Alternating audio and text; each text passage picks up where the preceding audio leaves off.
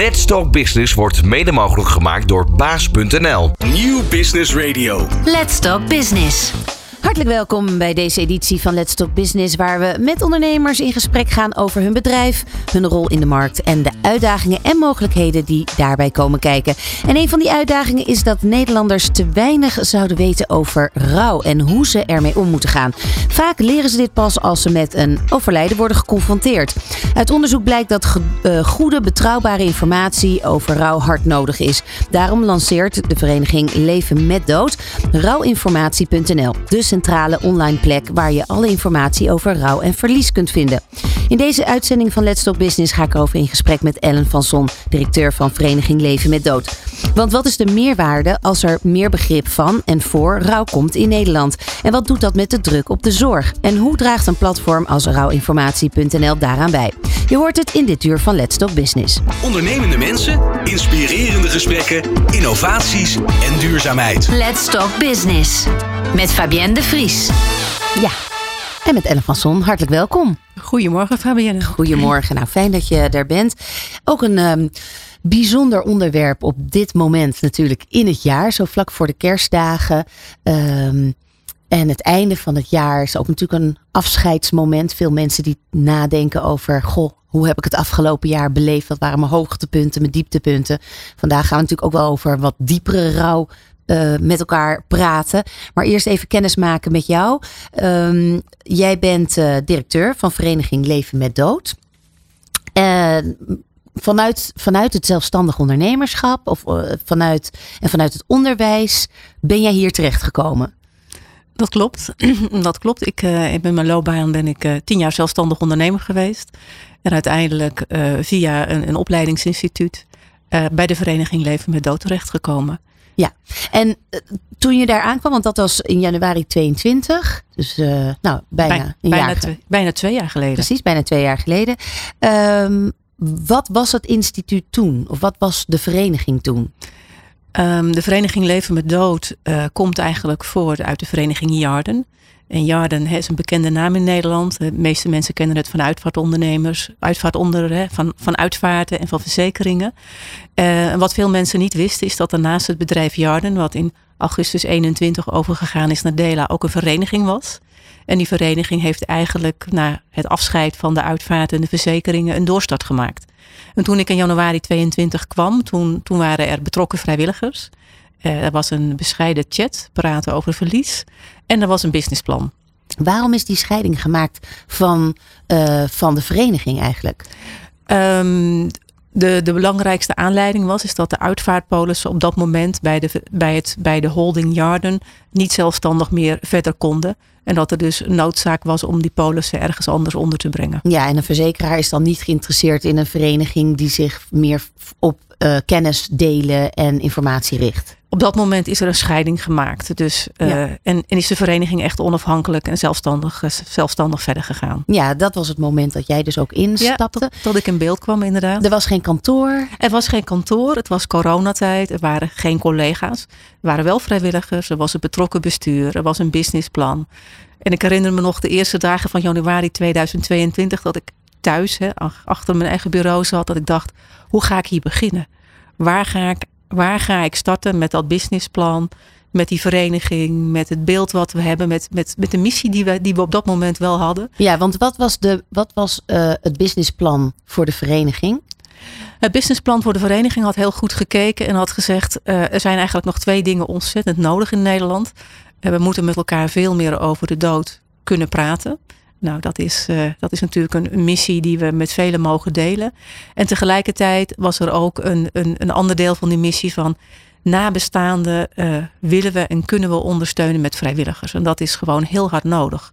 Want we horen ook van veel vrijwilligers, en dat is ook later bevestigd uit ons onderzoek, uh, dat veel nabestaanden, maar ook naast het idee hebben, ik sta er alleen voor. Ja. Ik moet het alleen doen. Wat was jouw eigen visie voor de, over, over de dood eigenlijk en, en omgaan met de dood voordat je bij deze vereniging kwam? Ik vond het best spannend om erover te praten. En ik vond het ook eigenlijk best wel een moeilijk onderwerp. Ondanks het feit dat het ja, toch ook in je eigen leven een rol speelt. Uh, maar ik ben me veel meer gaan beseffen van als je daarover nadenkt en als je dat in de ogen durft te kijken. eh, dat dan ook het leven dag bij dag uh, waardevoller en mooier wordt. Mhm. Omdat je denkt van, hé, hey, dit is wat er nu is. Daar mag ik van genieten. Ja, je legt net uit, je, hè, dat was corona. Je zit dan aan het begin van zo'n functie met eigenlijk wel wat gereedschap, maar ook nog wel man manco's eh, die je mist. Met welke, ja, met welk gevoel, met welke passie en visie en missie ben jij daar toen ingestapt? Ik ben vooral gaan kijken van wat is er in de markt? Welke grote nou ja, spelers. Hè, en dan is het natuurlijk wel in het sociale domein. Maar welke grote organisaties zijn er? Wat bieden ze nabestaanden? En wat ontbreekt er eigenlijk nog? Ja, en wat was dat? Wat, uh, nou, wat, wat, wat ik vooral hoorde in het begin is dat nabestaanden zei van na acht, negen maanden, als het dan echt niet meer gaat, dan ga ik of naar de huisarts of ik ga naar een lotgenotengroep. Maar wat ons opviel is dat zo heel kort na het overlijden, zo'n zes tot acht weken, hè, als eigenlijk de aandacht uit de omgeving verstomt, Mhm. tot die acht, negen maanden, eh, dan is het heel rustig. Dan komen mensen minder, dan wordt er minder gevraagd, dan is er ook minder ondersteuning. En vanuit die gedachte zijn we gaan kijken van wat kunnen we eigenlijk in die fase, waarbij de rouw nog zo heel echt rauw is, hè, zo heel uh, puur, wat kunnen we daar voor mensen betekenen? Ja. ja, want er zijn verschillende vormen van rouw. Um, nou, daar gaan we het zo meteen ook nog wel wat verder over hebben. Maar die, die, je hebt, en er zijn verschillende fases van rouw. Welke fases kennen we allemaal? Ja, dat, dat fasemodel waar jij denk ik aan refereert, hè, van Elisabeth Kubler-Ross, dat, dat wordt nog heel erg vaak uitgelegd als fases die na elkaar komen. Maar als je naar de huidige nou ja, ervaringen, maar ook opvattingen kijkt, dan kunnen eigenlijk al die fases door elkaar heen lopen. Dus boosheid, ontkenning, uh, het, het niet willen accepteren. En wat je tegenwoordig heel veel ziet, is dat rouw wordt, wordt gezien als een heel grillig proces. Mm -hmm. Wat aan de ene kant zit aan um, nou, verlies, boosheid, verdriet. En aan de andere kant ook weer pogingen om het, dat leven zonder die ander uh, weer op te pakken. Ja, als we nog heel even bij uh, het bedrijf blijven en, en, en ook de markt daarin. Um, er is binnen de overlijdensmarkt um, van begrafenisondernemers enzovoort. Dat is best een hele commerciële markt. Dus er zijn echt best wel veel partijen die zich bezighouden met een uh, begrafenis en alles daaromheen. En dan vervolgens kom je dus eigenlijk even los van je eigen gevoel, maar uh, uh, kom, kom je daarna in een gigantisch gat terecht als het gaat om wat er mogelijk is op de markt. Ja, en ik denk dat het wel verschilt tussen de ene uitvaartondernemer en de andere. Want we hebben ook uitvaartondernemers gesproken, hè, vaak de kleinere, die dan nog een keertje langskomen of een kaart sturen. En tegelijkertijd zeggen ze ook: wij zijn de, geen deskundige op het gebied van rouw. Nee. Wij zijn uitvaartondernemers. Dus, en ik denk een goede uitvaartondernemer gaat nog een aantal dingen aangeven. Van, joh, dit is er, dat kan er zijn. Ja. Maar veel mensen vallen daar inderdaad in een, in een gat. En de, en de zorg, hoe kijkt die daar tegenaan? Want uh, waar, waar zit het in dat spectrum? Want je zegt, oh, na, na negen maanden gaan mensen dan naar een huisarts. Wie voelt zich daarna verantwoordelijk vanuit de zorg?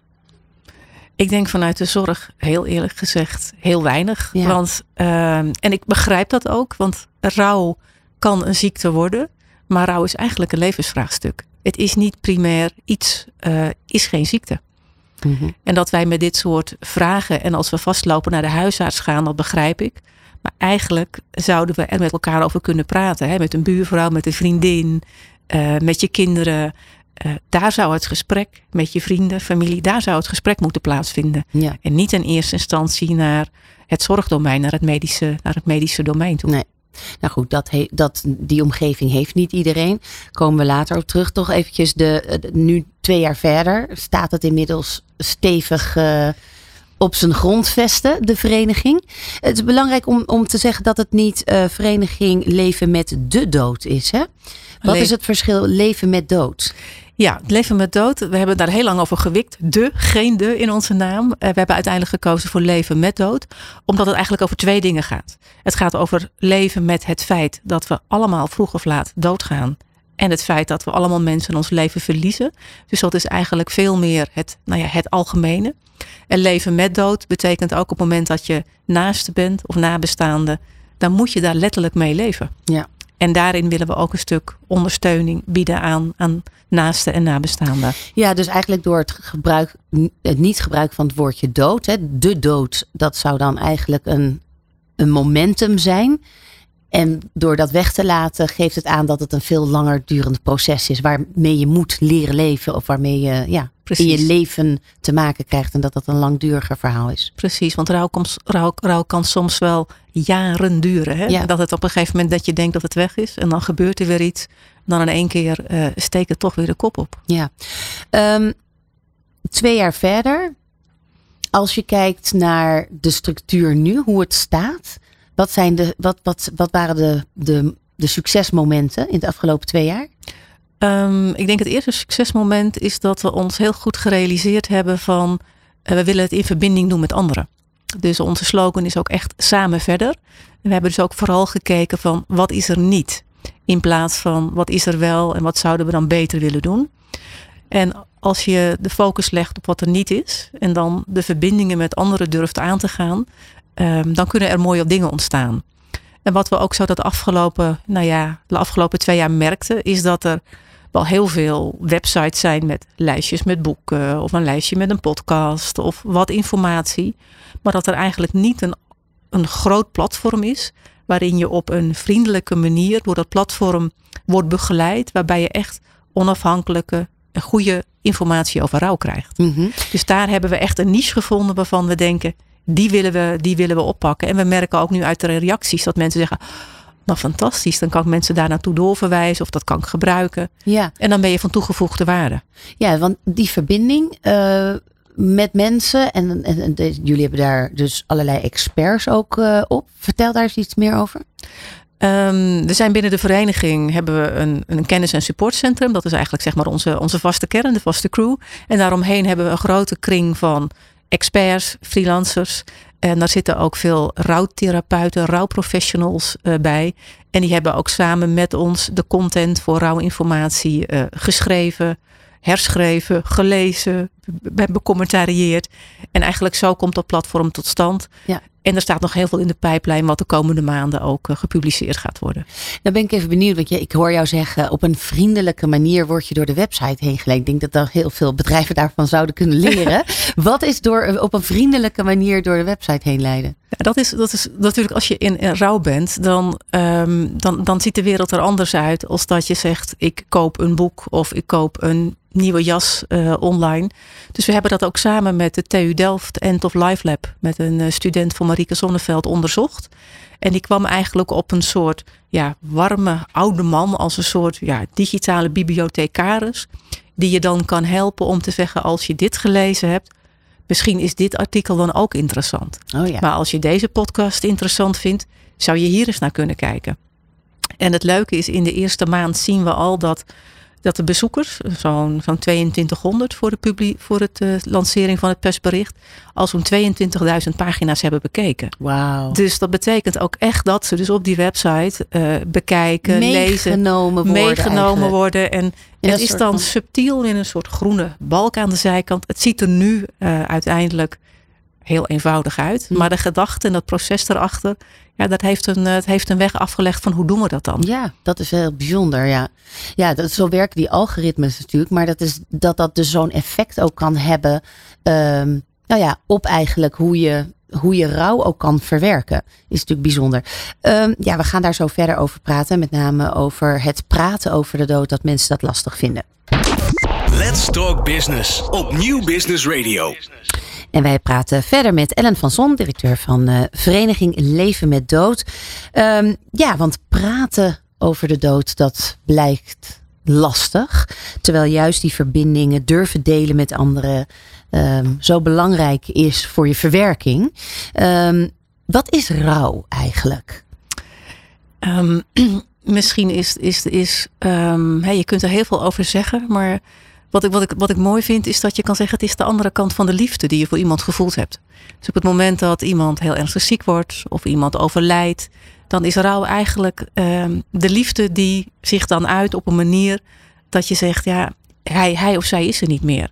En daar komt, daar komt een heel scala aan emoties bij: verdriet, boosheid, uh, ontkenning.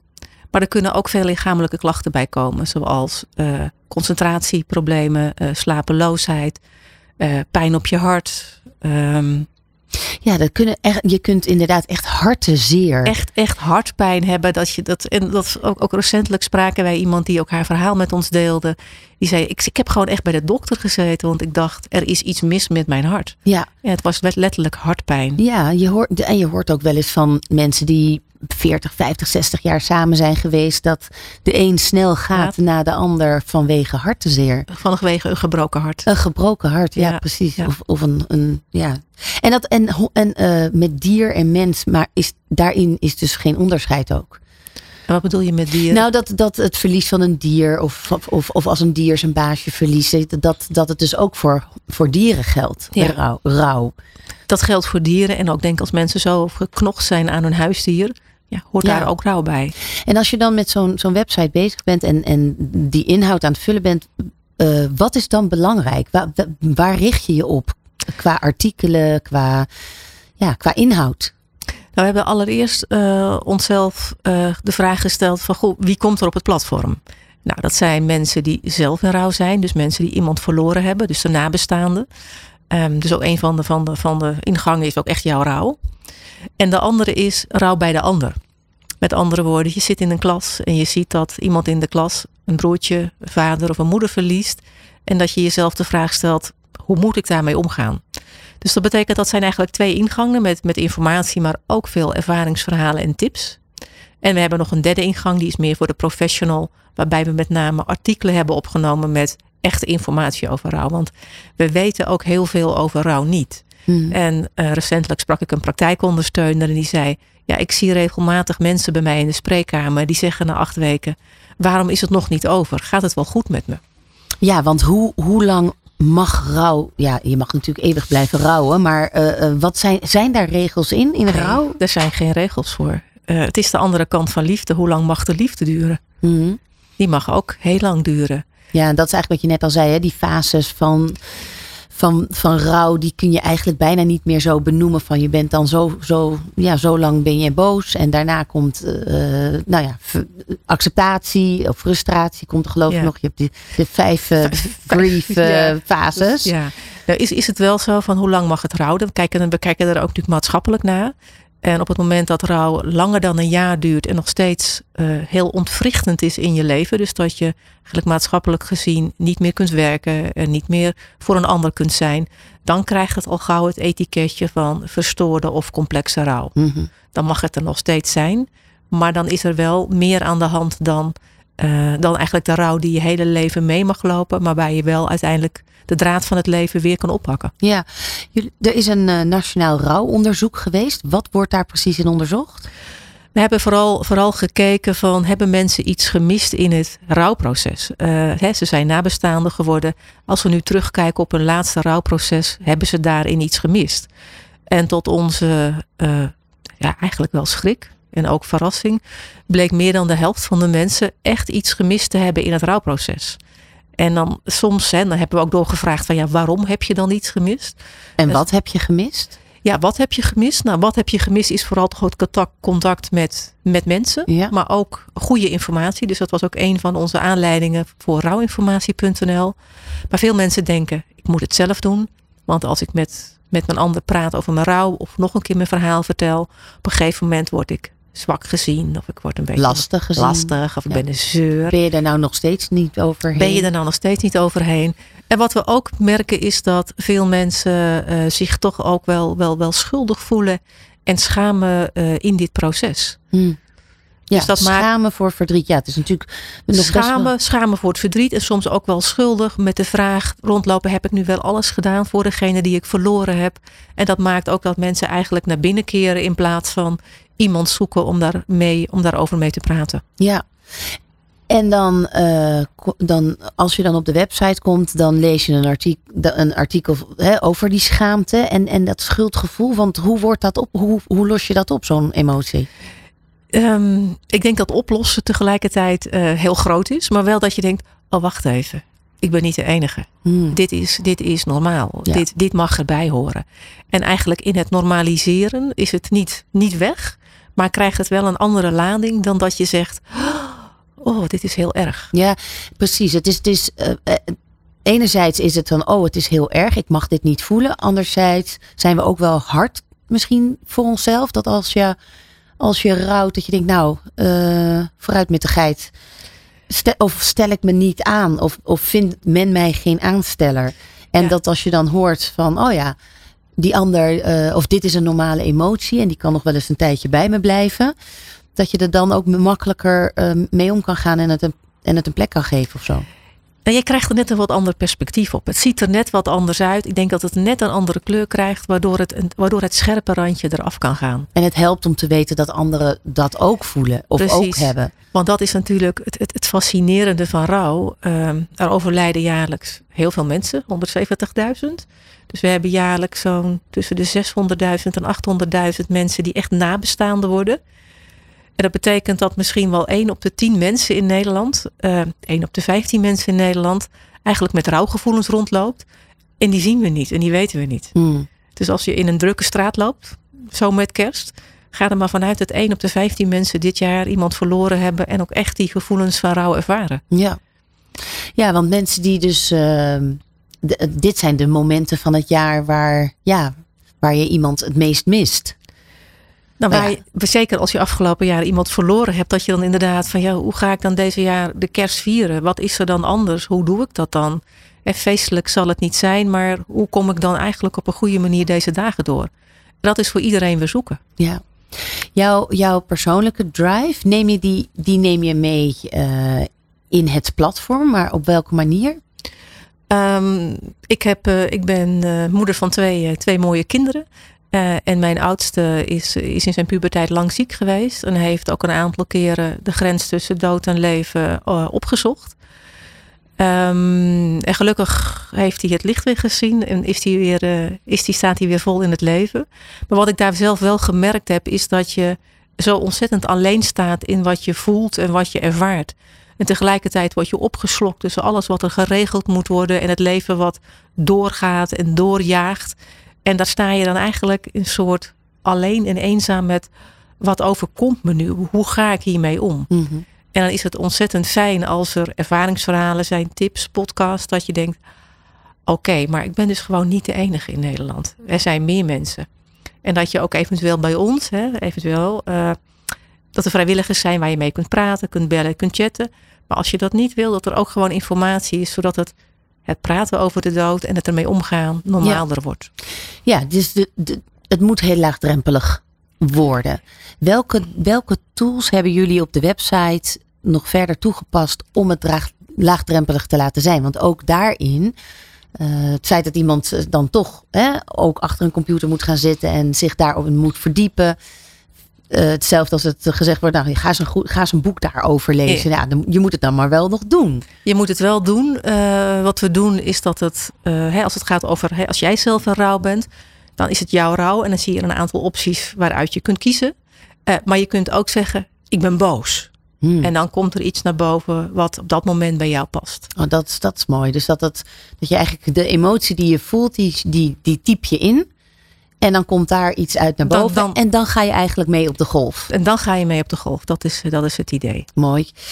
Wat voor een effect heeft eigenlijk dat hele rouwproces en met name de lichamelijke dingen die daarbij komen kijken, uh, ook op de zorg? We gaan het er zo over hebben. Dit is Nieuw Business Radio. Let's Talk Business. Ja, doordat rouw en verlies in Nederland te weinig ruimte krijgt, leiden rouwgerelateerde klachten tot een toenemende druk ook op de zorg. En dat terwijl de overheid zich met de juiste zorg op de juiste plek voor 2040 tot doel heeft gesteld de druk op de zorg juist drastisch te verlagen. Uh, ja, Ellen, de juiste zorg op de juiste plek. Dat is een, uh, een force task vanuit de overheid. Uh, wat, wat staat daar allemaal in? Kijk, we zijn opgegroeid in een periode dat als je iets hebt, dat eigenlijk de huisarts er zeven dagen per week, 24 uur per dag voor je is. En ik denk onze ouders hebben nog meegemaakt, de huisarts eigenlijk de hele familie kende, wist wat je allemaal had. En als je kijkt naar het integrale zorgakkoord, zie je eigenlijk een beweging dat we pre preventie wordt belangrijk. Als dat niet lukt, dan kunnen we dan zelfzorg doen? Is er dan iets in het sociale domein of in ons sociale netwerk wat kan helpen? En pas dan komt eigenlijk de zorg in beeld. En als we kijken, we hebben, we hebben wat, wat uitgezocht. Uh, als je naar de huisarts gaat in Nederland en je bent geweest, dan zegt de huisarts achteraf met een code waarom jij bent geweest. En er zijn in Nederland jaarlijks zo'n kleine 900.000 bezoeken bij de huisarts die direct, rechtstreeks gerelateerd worden aan rouw. Zo. En dan hebben we het nog niet over hè, als je met concentratieproblemen komt of slaapproblemen. Dus wij denken dat dit het topje van de ijsberg is. Zo. Maar als je gaat uitrekenen hoeveel mensen inderdaad met verstoorde of complexe rouw in Nederland rondlopen, dat moeten er zo'n 130.000 zijn. Nou, laat deze mensen een aantal keren naar de huisarts gaan, misschien gemiddeld drie keer. Kom je op 400.000 Mhm. consulten.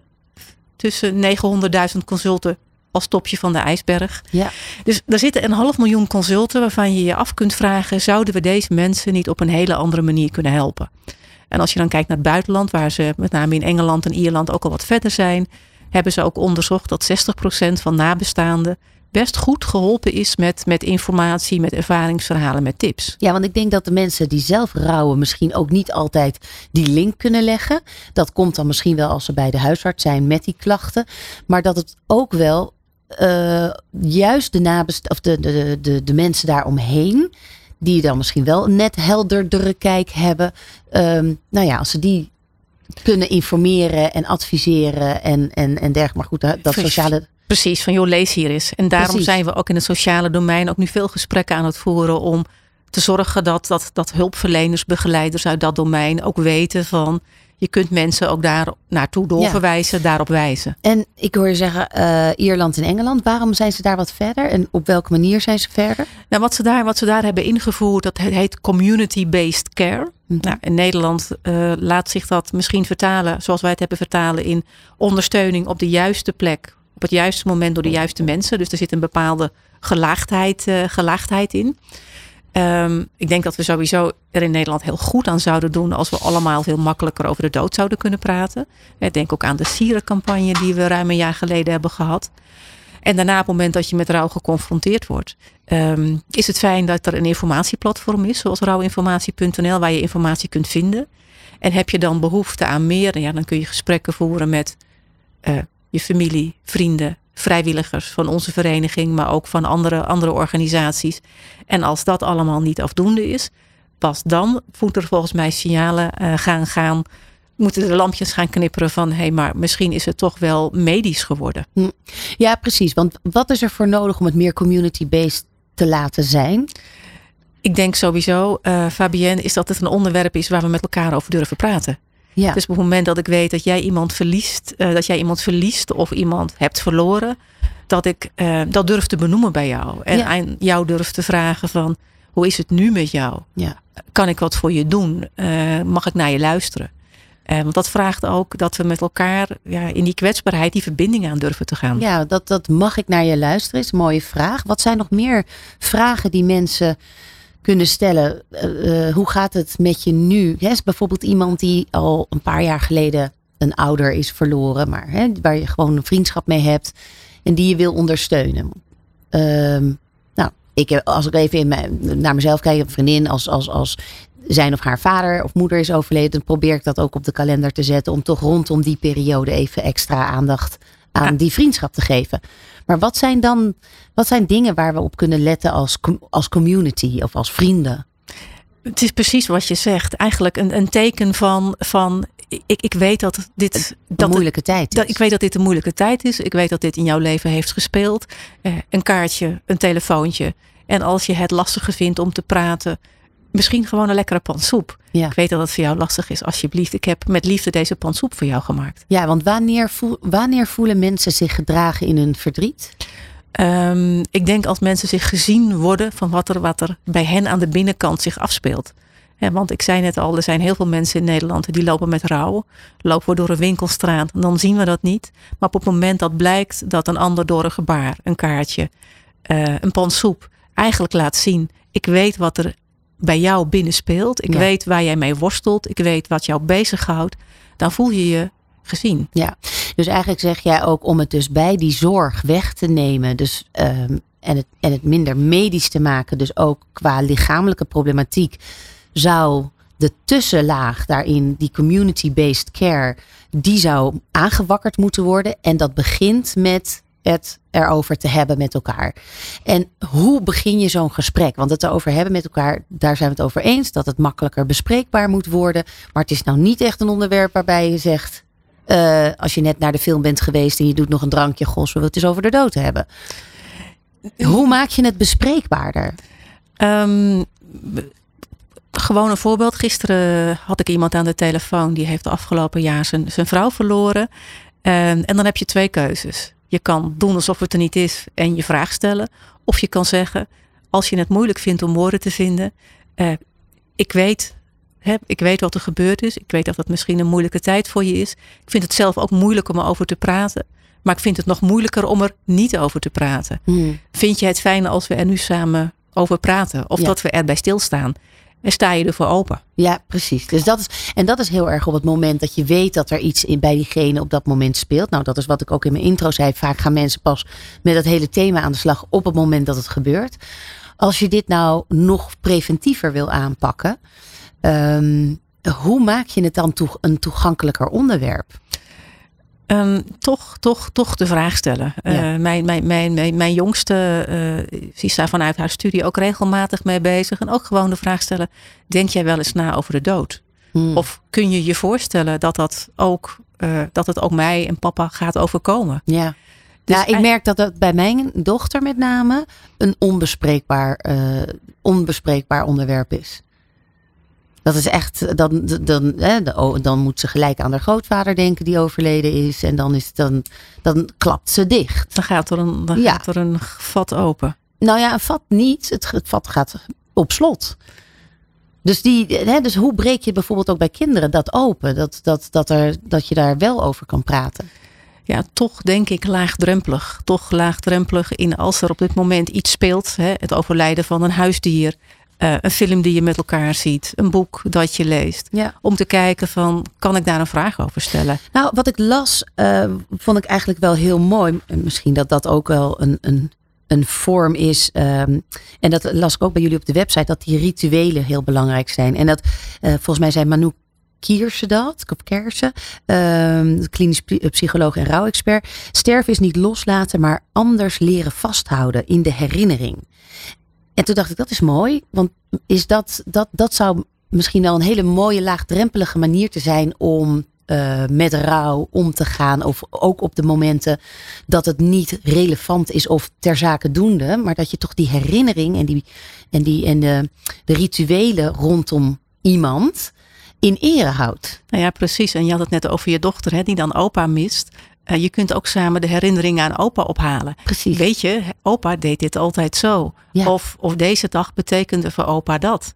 Uh, want dat, ik bedoel, het, het, praten over de dood hoeft niet alleen het te gaan over het verdriet. Het, het, stervensproces, het verdriet, maar kan ook zijn van goh, iemand heeft een vol leven gehad, is van betekenis geweest, uh, heeft kleinkinderen, heeft kinderen gehad. Goh, wat, wat betekende hij in onze familie? Wat deed hij? Of wat was er nou typisch van opa? Ja. En dat zijn lagere, um, ja, misschien wat, wat, wat, wat andere vragen. En dan, dan benader je het eigenlijk vanuit de kant van de liefde. In plaats vanuit de kant van, de, van, van het verdriet en van de rouw. Ja. En tegelijkertijd praat je dan wel over het feit dat open er ook niet meer is. Ja, precies. Ja, ja want dat, dat denk ik dan, als, we het, als het een onderwerp is waar makkelijker over gepraat moet worden, dat je, dat je, ja, het verdriet mag er zijn, maar dat je dat dan toch naar een soort positief iets van het leven en het licht en de liefde moet draaien. Ik denk en en. Ik denk dat het en dat het goed is om soms te praten over het verdriet, de gevoelens, de pijn, de boosheid. En dat er andere momenten zijn waarop je zegt: het is nu passender om over dat licht, de liefde en dat geleefde leven te praten. Ja, ja. Um, het platform, hè? het, het, uh, rouwinformatie.nl. Uh, hoe, hoe zijn jullie dit nu aan het uitrollen? Omdat, los van dat je hier natuurlijk nu zit, uh, om, om dus ja, dat gewoon een gangbaarder onderwerp te maken? Um, wat, wat we aan het doen zijn, is eigenlijk, uh, we doen het langs twee lijnen. Uh, samen met onze, met onze vrijwilligers uh, in de regio gaan we in gesprek met gewoon veel organisaties die naast de nabestaanden tegenkomen die in rouw zijn. En door te zeggen, help ons, help naasten en nabestaanden door eh, informatie over dat platform met hen, eh, hen te delen. Dus dat is eh, ja, gewoon veel, veel praten, veel gesprekken, veel informatie delen. En daarnaast zijn we bijvoorbeeld ook in gesprek met, met, met, met websites die al heel veel bezocht worden, bijvoorbeeld over palliatieve zorg. en dan zijn we ook in gesprek van hoe kunnen we met elkaar samenwerken. Want vaak is het natuurlijk zo als mensen naasten zijn, kijken ze niet alleen op rouwinformatie.nl, maar kijken ze ook op websites over hè, wat overkomt mijn, mijn geliefde, wat overkomt mijn dierbaren. Ja. Dus op die, die manier zoeken we ook de versterking met elkaar. En wat je wel volgens mij, als je ook een beetje in het commerciële domein uh, kijkt, is wat je wel meer ziet, omdat er nou ja, heden dagen, uh, uh, heden ten dagen er ziektes zijn die, een, nou ja, die dan ongeneeslijk zijn, maar wel een lange aanloop hebben, zie je volgens mij een klein beetje een trend van bedrijven die komen te zeggen: oké, plotsklaps iemand verliezen of ehm, de martelgang tot aan het einde uh, is niet nodig. We, zodra je weet het wordt niet meer beter, of dat nou met Parkinson of uh, kanker of iets dergelijks is, als je weet het einde nadert, dat je daar dan al zo mee omgaat door films te maken, door uh, met elkaar een documentaire te maken. Dat soort bedrijven zie ik wel meer opkomen. Waardoor ook eigenlijk het rouwproces daarna. Dus als je aan die voorkant al bezig bent eigenlijk met te rouwen en, dat, en daarmee om te gaan, dat het ook dan aan de achterkant Um, ja, wat ma nou, nou, makkelijker is niet het goede woord, maar wel anders, anders, wordt. Als, als, wij ook als we ook kijken naar andere culturen, bijvoorbeeld in Mexico, waar de dood veel meer een, een, ja, echt een onderdeel is van het leven. En waar ze ook één keer per dag hè, de dag van de doden vieren. Dan zie je ook dat dat rouwproces uh, een, een andere vorm, een andere kleur, andere lading heeft. Dan eigenlijk in Nederland, waar we het toch wel heel erg ja, zwaar. Ja, maar het is natuurlijk ook heel erg, zit ook heel erg in, in, in je eigen huis, in je eigen familie. Het is ook voor een deel onzichtbaar. Het is voor een deel medisch. Dus, dus het is ook een beetje aan de rand van de samenleving is het gepositioneerd. En als het dan in één keer in je leven komt, ja, dan sta je met die dood en met dat verlies ook zelf aan die rand van die samenleving. Zie je dat gebeuren in Nederland? Dat we daar open voor staan om het meer te integreren in ons leven, levende leven? Um, Natuurlijk, als je in een, bepaalde, in een bepaalde sector zit en ook bij de vereniging Leven met Dood, dan zie je natuurlijk alle initiatieven op dit domein. Maar ik zie ook echt een aantal grotere spelers en ook wat jij nu noemt, partijen die, die, die films maken, die, die theaterstukken maken, eh, schooleducatie. Dus er is wel van alles in beweging om dit meer weer een plek te gaan geven. Ja, ja eh, volgens mij pas uh, ook weer uh, psychologie in het theater. Hè? Dus er komt ook steeds meer van dit soort onderwerpen van puberkinden tot afscheid nemen van een ouder. Wat echt een, een psychologisch aspect is. waar ze dan een theatershow over maken. En dan niet een, om, om te lachen, maar echt, ja, er wordt ook wel gelachen. Maar om het, om het maar toegankelijker te maken en er dus beter mee om te gaan. Dat, dat, dat ook. En je ziet bijvoorbeeld ook dat de laatste twintig jaar ook best veel boeken verschijnen zijn. Dus ook daarin zie je dat het ook een groeiende, een groeiende belangstelling heeft. Ik heb, uh, ik heb eventjes een, een uh, nou, ondernemersvraag. Toch even de, de ondernemer in jou aan, uh, aanspreken. Uh, deze voor jou. Zijn er dingen in jouw vakgebied die erbij horen, maar die je liever niet doet? Nou, vertel. Ja, dat is natuurlijk altijd een, uh, is een, mooie, mooie, mooie vraag. Uh, hiervoor ben ik ook ondernemer geweest. En, uh, mocht je inderdaad aan klanten, uh, mocht je gewoon geld verdienen en mocht je een rekening sturen. Maar daarna bestaan daarnaast stuur je geen rekening voor je diensten. Dus wat we natuurlijk met de vereniging Leven met Dood gewoon altijd een belangrijk onderwerp is. En dat geldt voor heel veel organisaties in het sociale domein. Waar komt onze financiering vandaan? Ja. Hoe regelen we dat? En dat kost, uh, dat kost in verhouding best veel van mijn, van mijn aandacht en van mijn tijd. Want hoe doe je dat? Met veel partijen praten, onder samenwerkingen onderzoeken. Kijken hè, waar we voor het maatschappelijk belang zijn. Kijken wat daar, wat daar de mogelijkheden zijn voor financiering. Maar leg eens uit dan. Dus de, de financiering komt dus niet bij de, bij de particulier vandaan? Komt niet bij de particulier vandaan. Natuurlijk zijn een vereniging en kun je, kun je lid van ons worden. Maar uh, we hebben ook andere inkomstenstromen nodig om uh, als vereniging te kunnen blijven, blijven bestaan. Ja, ja, ik heb er nog één voor je. Voor wie zou je een compliment willen maken?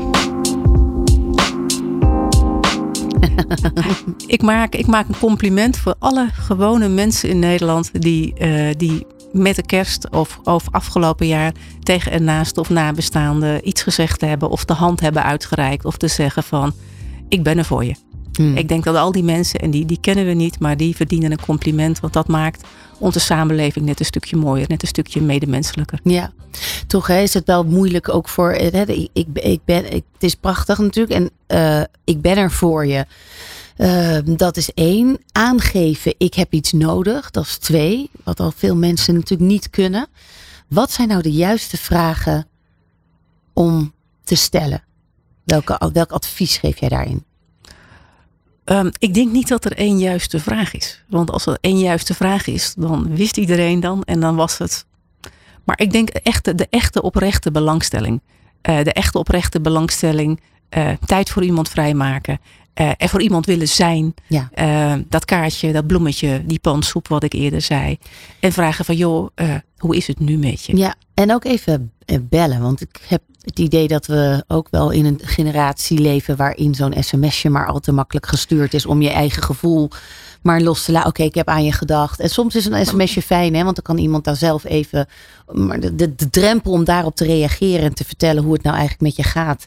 Ja, in een en, sms werkt niet echt. Maar een sms is geen wederzijds contact. Precies. En dat gaat over van durf je dat wederzijds contact op te zoeken. En dat is natuurlijk hartstikke spannend, want je weet niet of het goed gaat met de ander of het minder goed gaat met de ander. Je weet niet wat hij zegt, je weet niet wat hij wil.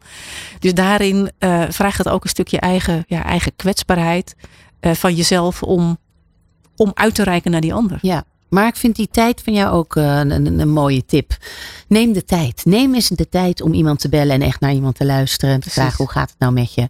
Of hoe gaat het vandaag met je? Dat, ja. dat weet ik zelf nog wel. Dat op het moment dat, het, dat je een rotperiode hebt. Dat hoe gaat het met je is een te grote vraag. Is te groot en daar kun je ieder sociaal wenselijk antwoord op geven. En dat is niet echt wat die nabestaande of die naaste helpt. Nee. Nee, en zeker zo'n eerste periode, dan is het natuurlijk ook van dag tot dag anders hoe je. Van uur tot uur. En soms van uur tot uur hoe je je ja. voelt. Goed. We gaan zo uh, kijken wat de plannen voor de toekomst zijn. Van hippe start-up tot ijzersterke multinational. Iedereen praat mee. Dit is New Business Radio.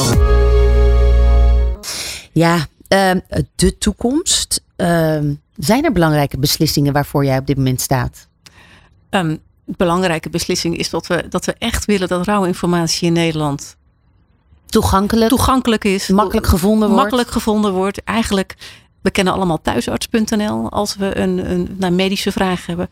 En ik zou het fantastisch vinden als we over twee, drie jaar dat rouwinformatie.nl net zo toegankelijk, net zo makkelijk gevonden wordt door mensen die, uh, die iemand uh, gaan verliezen of iemand hebben verloren. Ja, en bedrijfstechnisch, als je uh, daarnaar kijkt, waar, wat zijn dan de uitdagingen voor, de, voor het komende jaar? Nou, als ik hem koppel aan het platform, we willen een, een inclusiever platform worden. Dus dat betekent dat het ook toegankelijk is voor mensen die soms moeite hebben met, met, nou, met letters of mensen die, uh, die, die het lastiger vinden om te lezen.